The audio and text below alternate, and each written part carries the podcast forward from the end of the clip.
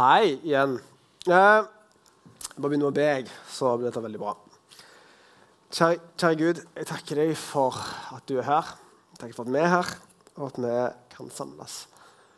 Eh, må du være med meg nå, så må du være med alle som skal høre på. Eh, må du åpne hjertene våre, sånn at du kan snakke til oss gjennom meg. Amen. Så jeg bare tar vekk denne òg, jeg. Så slipper ikke å konkurrere liksom med den. Dere, nå er det egentlig veldig lenge siden sist Revelation. Det er faktisk eh, Det ble nesten to måneder. Jeg tror det var 6. oktober eller noe sånt. Og det er ganske lenge siden. Eh, og i tillegg til det, da Sist Revelation var det Maria som preket. Det var sykt bra. Eh, men jeg kjenner det veldig lenge siden jeg har hørt min egen stemme. Eh. Men eh, sykt gøy å kunne snakke til dere igjen på Revelation. Eh, og så tenkte jeg, Siden det da er ganske lenge siden sist Revelation, så kan det være at ikke alle husker hva eh, meg og Maria har snakket om i henholdsvis starten på oktober og slutten på august. Så tenkte jeg bitte liten oppsummering kanskje var et triks. da. Forrige Revelation så snakka Maria om Jesus som venn. Uh, og at han kan være mye mer enn en venn, og at han vil ha noe med oss å gjøre. Uh, og Gangen før det, altså helt tilbake i august, når vi starta på denne prekenserien om Jesus, så snakket jeg om Jesus som herre. Uh, og jeg snakket om at Jesus er både Gud og menneske på en gang. I dag skal vi altså fortsette på denne her prekenserien om Jesus. Uh, og jeg skal snakke om Jesus som konge. Eh, hvis vi går helt tilbake til den tida som Jesus levde på, altså sånn røftlig 2000 år siden eh, Og egentlig noen århundrer tilbake før det òg, så skal vi lese i Bibelen om at israelsfolk, altså det Guds utvalgte folk, det folket som Jesus ble en del av, og de aller fleste personene i Bibelen er en del av. Eh, skal vi lese om historien til det folket. da. Og De, de venta på en stor konge. Eh, en første, en redningsmann. En som liksom skulle komme og redde dem, rett og slett. Og dette israelsfolket eh, var nok etter alt å dømme relativt eh, klar for at det skulle komme en sånn stor konge. Eh, gjerne en godt trent en som liksom kunne bare knuse alle fiendene deres. Eh, de så for seg en konge som var liksom enda større og bedre enn kong David, som hadde bare beseira det som var på den tida. Og han var liksom, For de så var han den perfekte konge. Uh, men de håpte på liksom noe enda bedre enn det. Og Dette her gikk israelittene rundt og venta på. Uh, og Hvis vi da leser i Det gamle testamentet, så skjønner en fort at israelsfolket de hadde en del fiender eh, som de gjerne skulle kvitte seg med. En snakker om filisterne, babylonerne, romerne, egypterne og liksom lista den blir ganske lang hvis den fortsetter. Eh, det er ikke sånn som oss som bare liksom misliker svenskene bitte litt. Uh, og liksom ler vi litt av dem. Men de hadde liksom ekte fiender som de liksom enten var okkupert av eller var i krig med, eller begge deler. Uh, så det var veldig god stemning. og så rett oppi alt dette her, da, så hadde eh, Israelsfolket de hadde vært i eksil. altså egentlig Hele folket ble tatt til fange, sendt av gårde til Babylon. I alle fall alle liksom, utenom de aller fattigste var sendt av gårde til Babylon. Eh, til et annet land der de rett og slett var flyktninger og egentlig fanger og slaver i mange år. Uh, og når de da endelig liksom hadde fått friheten sin tilbake, kom tilbake til landet sitt, jo, hva skjer? Disse himla romerne dukker opp og bare okkupere landet, Innsetter innsette sine konger og keisere og greier og greier. sant? Så det var liksom ja, Det var ikke tidenes steam sånn rent sånn eh, styresettmessig. Og ja, de var, var ikke bestevenner med landet rundt, for å, si det, for å si det forsiktig. Så Israelittene var over middels gira på at liksom, det skulle komme en sånn uh, løsning fra Gud. Og det hadde liksom profetene deres sagt. da, At det skulle komme en konge fra Gud som bare skulle ja, De tenkte OK, denne kongen han fikser disse greiene.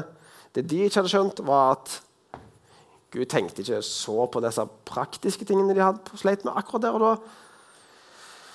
Gud hadde litt andre, andre ting han tenkte på da. Men i alle fall, da. sant?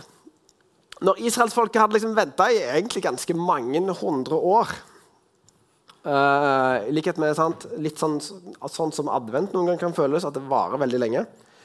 Uh, så kommer denne her mystiske Eller så har de venta sykt lenge på denne mystiske kongen da, som skulle komme. Forventningene de er liksom der. Og så skjer det. Endelig. Den store kongen, Guds egen sønn, kommer til jorda. Men så skjer det òg det, da, som, så veldig, veldig, veldig ofte skjer med Jesus. Noe uventa skjer. For denne her mektige kongen som de hadde sett for seg, at liksom bare kom eh, med hele hæren sin og 14 000 kameler og 50 milliarder hester eller noe sånt, sant? og tanks og greier. Det var liksom det de så for seg. Men hva sender Gud? Gud sender en baby. Jeg tror ikke at liksom Cæsar ble dritstressa fordi at det liksom ble født en eh, baby ute i, ute i Betlehem. Altså En nyfødt baby som ble født inn i en snekkerfamilie. Det var ikke liksom engang på Slottet. De bodde ikke engang i hovedstaden. Det var liksom Ja, ikke sykt langt vekk. Det, det er ikke verdens største land, men de var i hvert fall ikke fra Jerusalem engang. Så hvis jeg kan tippe, hvis folk i det hele tatt fikk med seg hva som skjedde, og at Jesus var blitt født, så var det en gigantisk nedtur. Riktignok så ble Jesus født i Betlehem, sånn som en del av disse profetene hadde snakka litt om. Men ellers er liksom nedturen til å ta og føle på. Men hvorfor? Hvorfor i all verden sender Gud et lite barn i en snekkerfamilie fra byen Nasaret. Altså, Gud kunne fint ha sendt liksom, en hel kongefamilie hvis han ville det. Sendt Jesus som voksen ned til jorda. Ok, Ned der et par dager, fikse greiene. Uh, hold et par taler, uh, gir ut bok. Uh, dør på korset. Gjort på ei uke. Snakkes, liksom. Det hadde helt sikkert fungert fint. Men hva gjør Gud? Jo, han sender en baby. Og Det er her vi mennesker slutter å forstå hva i all verden Gud holder på med. Jeg liker å tenke at Gud eh, har bestemt seg for at når han først skulle sende seg sjøl i form av Jesus til jorda Når, han, når Gud skulle bli menneske, så skulle han søren meg gjøre det skikkelig. Så når vi feirer jul sant? Eh, om kanskje litt annerledes i år, eller hvordan det blir, det vet vi ikke. Men når vi om noen uker nå, faktisk bare noen uker igjen, folkens, eh, når vi om noen uker feirer jul, så feirer vi at Gud blir menneske. Og at denne kongen som israelsfolket hadde drømt om i århundrer, endelig kom til jorda. Livet til Jesus det inneholder en hel haug med ting. Uh, så jeg, har, jeg vet at dere liksom ikke har så lyst til å høre på meg i timevis, så jeg skal liksom droppe å gå inn på alt det som skjer. Uh, for da hadde vi blitt her uh, til neste uke en gang. Nå hadde sikkert kommuneoverlegen blitt sur. Men i alle fall da. Jeg skal hoppe til en historie som jeg vil tro at ganske mange av dere kjenner. Uh, og Det er en av de tekstene som ofte dukker opp i advent. Eh, og så kan man lure litt på hvorfor den i all verden dukker opp i advent. Eh, men iallfall i adventstid i kirka så dette er en av tekstene som dukker opp. Eh, men den er faktisk strengt tatt tatt ifra påskefortellingen. Men et år der vi liksom dropper å feire påske, så passer det kanskje bra. Så vi skal faktisk til palmesøndag. Og når Jesus virkelig blir hylla som konge. Og Matteus skriver i kapittel 21 Da de nærmet seg Jerusalem og kom til Betfage ved Oljeberget, sendte Jesus to disipler av sted og sa til dem.: Gå inn i landsbyen som ligger foran dere. Der skal dere straks finne et esel som står bundet og har en fole hos seg. Løs dem og lei dem hit til meg. Og om noen kommer med spørsmål, skal dere svare, Herren har bruk for dem. Da skal han straks sende dem med dere. Dette skjedde for at ordet skulle bli oppfylt, som har talt gjennom profeten. Si til din datter Sion, se din konge kommer til deg. Ydmyk er han og rir på et esel og på trekkdyrets fole. Disiplene gikk av sted og gjorde som Jesus hadde sagt. Hentet eselet og folen. Så la de kappene sine på dem, og han satte seg opp. Men i folkemengden, mange i folkemengden bredde kappene sine utover veien, andre skar greiner av trærne og strødde på veien. Og mengden som gikk foran, og de som fulgte etter, ropte Hosianna, Davids sønn. Velsignet er han som kommer i Herrens navn. Hosianna i det høyeste. Jesus er altså på tur igjen.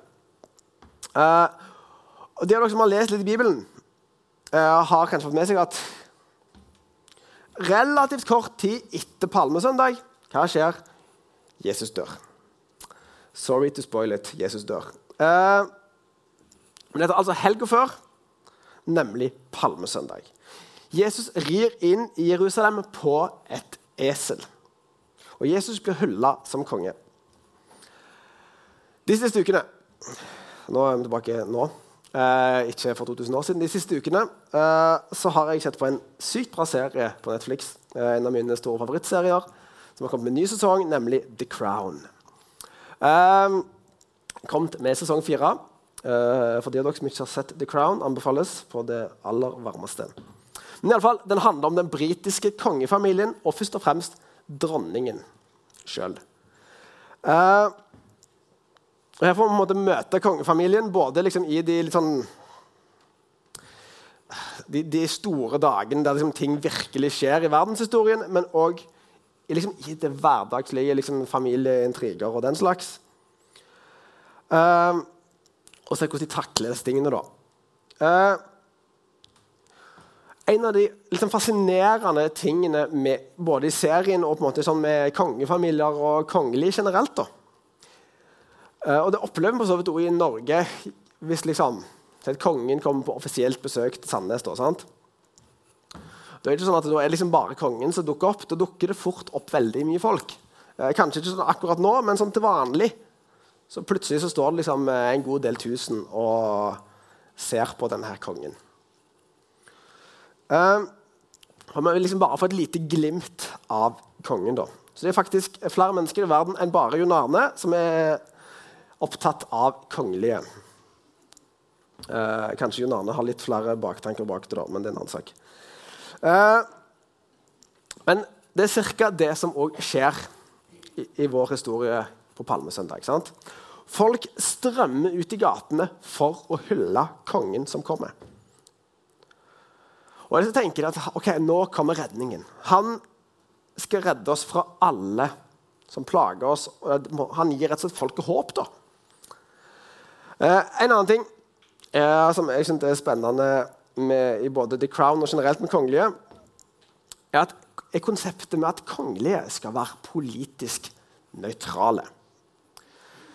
Kongen og dronninga i, i Norge skal rett og slett ikke blande seg opp i hva Erna og gjengen holder på med.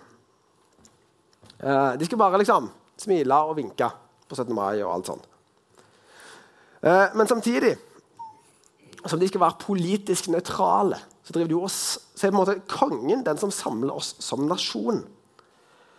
Eh, og i de aller fleste 17. mai-taler sånn, så er det liksom, da er det kongen man snakker om. Det er ikke så veldig viktig, men det er statsministeren eller stortingspresidenten eller hvem det måtte være. Det er ikke de vi synger om, liksom det er kongen. Og det er kongen som på en måte er den som vi samler oss rundt når eh, landet er i krise, eller i sorg, eller i krig, eller hva det måtte være. Men i praksis så er kongen passiv. Kongen er egentlig en som bare klipper litt snorer og går rundt og kaster litt glans rundt omkring og åpner et bibliotek eller en vei. eller hva det måtte være. Og inviterer viktige folk fra andre land på lunsj. og deler ut noen medaljer, kanskje. For kongen bestemmer i praksis ingenting. Og så er det sånn da, at Vi ofte har en tendens til å gi Jesus den samme rollen som kongen. Jesus er kanskje noe vi drar fram når, når vi sørger og har det vanskelig. Når vi mister noen, når sorgen tar oss. Når vi er mentalt helt på bånn. Da går vi kanskje til Jesus. Når håpet er langt vekke, ja, da pakker vi fram Jesus fra hukommelsen. Og, og, og, på julaften og alle disse her, liksom store dagene, da liksom dukker Jesus opp. Men jeg har veldig, veldig, veldig lyst til at Jesus skal være noe mer enn det. Mer enn noe vi kommer til når vi er lei oss. Selv om det er fint, det i seg sjøl. Men at Jesus skal være noe mer enn noe vi bare snakker om i kirka, eller noe vi synger om når vi lovsynger. Jeg har et intenst ønske om at Jesus skal være den vi følger etter.